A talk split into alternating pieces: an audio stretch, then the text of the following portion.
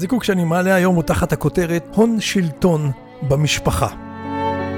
כבר סיפרתי לא פעם על ספרו של הפסיכולוג דוקטור אלי כץ, הקן שאינו מתרוקן. אחד מהנושאים שהוא עוסק בהם הוא הנושא הנפיץ של כספים במשפחה. לדבריו, בכל ביוגרפיה של משפחה מסתתר מאבק כלשהו שקשור לרכוש ולממון. ייתכן, כך הוא טוען, שהפצצה המתקתקת הזאת של מפתן דלתה של כל משפחה כמעט, מאיימת עלינו באופן עמוק הרבה יותר, הרבה יותר, מכפי שאנחנו מבינים. הקשיבו לתמצית מסיפור אנושי עצוב ומפתיע שדליתי מהפרק הזה בספרו של דוקטור אילי כץ. להזכירכם, אתם הזיקוקין דינו, פודקאסט שמעלה סיפורי חיים קטנים מהחיים של כולנו, שיש בהם חומר למחשבה. מספר לכם בקולו שוק הדינור. אז כך מספר אילי כץ. אילן, כבן 65, הופנה אליי לטיפול לפני כ-30 שנה. אשתו התקשתה לשאת את המתח בינו לבין בנם. אילן איש עסקים תמיד בשליטה, עם ציפיות גבוהות מעצמו ומהסובבים אותו. נחשב, נחשב כאיש קשה. בתו האמצעית הצליחה להוציא מאילן רוך. לבנו הצעיר הוא למד לוותר קצת, אבל עם בנו רועי הוא נהג בקפדנות ובביקורתיות.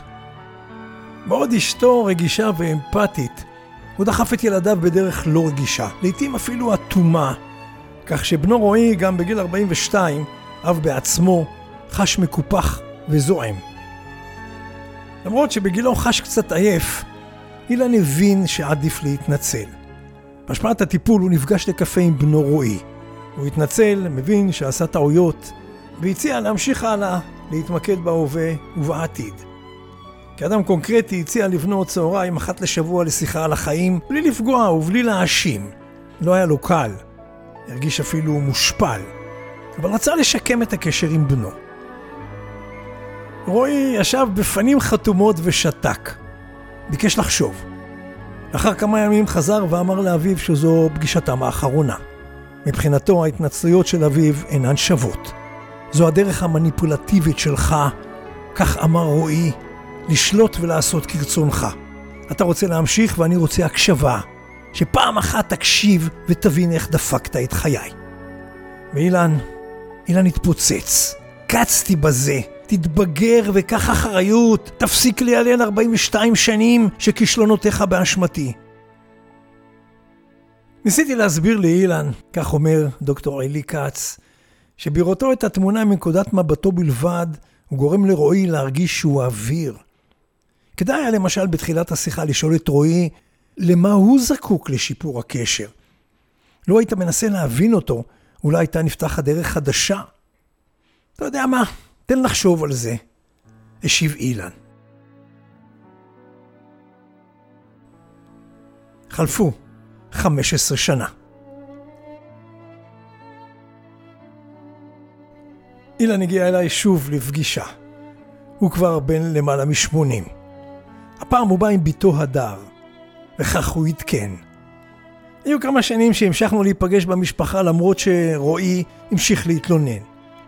לפני שנתיים הדר ארגנה לי חגיגת 80, והכל התפוצץ. רועי לא הגיע. לאחים שלו הוא הסביר שהטחתי בו דברים שעליהם הוא לא יסלח לי לעולם. הוא לא מדבר איתי כבר שנתיים, ומאז שרעייתי חלתה, הוא לא מדבר גם איתה. איך יכול להיות, איך יכול להיות שהילד שלנו, בשר מבשרנו, יהיה כל כך אכזרי? הוא כבר בן 60 בעצמו, ועדיין מתעקש לחיות את העלבונות שספג בילדותו. לפגישה הבאה אילן כבר הגיע לבדו. היה בדרך לפגישה עם עורכי הדין שלו. כששיתף קודם את ביתו הדר, היא הביטה בו בהלם ובכעס. היא לא העלתה בדעתה את האפשרות שבמשפחתם ינושל ילד מהירושה. ילד מופרע אחד מחריב משפחה שלמה. היא בכתה. אילן תיאר בפניי את פרטי הצוואה החדשה ואת האישורים הרפואיים שצירף, לפיו החלטתו נעשתה בצלילות דעת. מאז חלפו עוד כמה שנים.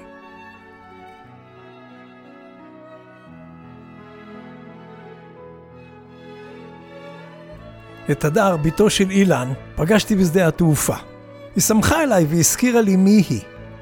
מה, מה אבא עושה היום? שאלתי. אבא, אבא נפטר לא מזמן.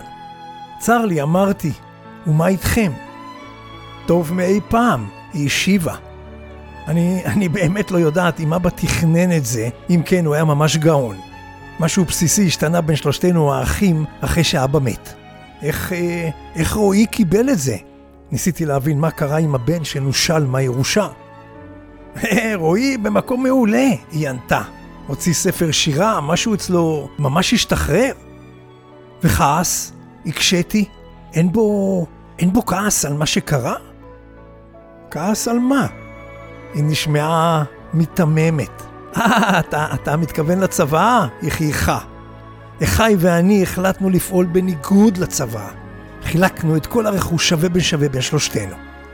בתחילה הרגשנו קצת רע, ואחר כך צחקנו שרק אחרי מותו של אבא יש לנו את האומץ לא לציית לו. המרד הזה יצר סוף סוף קשר של אמון מוחלט בינינו. היא השתתקה ואז אמרה, אין לי זמן לבכות עכשיו, רק, רק תגיד לי, יש סיכוי שאתה ואבא תכננתם את המהלך הזה? ואבא ידע מראש שנמרה את פיו, וכך חלומו שנהיה משפחה מאוחדת ואוהבת יתגשם? וגם אני התאפקתי מלבכות. נפנפתי אליה ופניתי ליציאה. מספרו של דוקטור אלי כץ, הקן שאינו מתרוקן, בהוצאת מטר. תהפוכות הגורל. אני בהחלט מסכים עם דוקטור אלי כץ שכמעט בכל משפחה מסתתר מאבק על רכוש, על ממון, ובאחד הימים זה יוצא ככעס או באיזה צורה של ריב. מרבית ההורים שמחזיקים את הממון מחליטים להיטיב לפעמים עם ילד זה או אחר ומשוכנעים שאינם צריכים לתת דין וחשבון לאף אחד. זה אולי נכון בתיאוריה, אבל לצערי, זה לא כך עובד. וכמה טוב שבסיפור הזה, הילדים עצמם היו כל כך חכמים לאחר מות ההורים וישרו קו ביניהם. הנעימה היפה שברקע היא של להקת סיקרט גארדן, נעימה שנקראת סרנדה לאביב. זיקוקין דינור, שוק הדינור.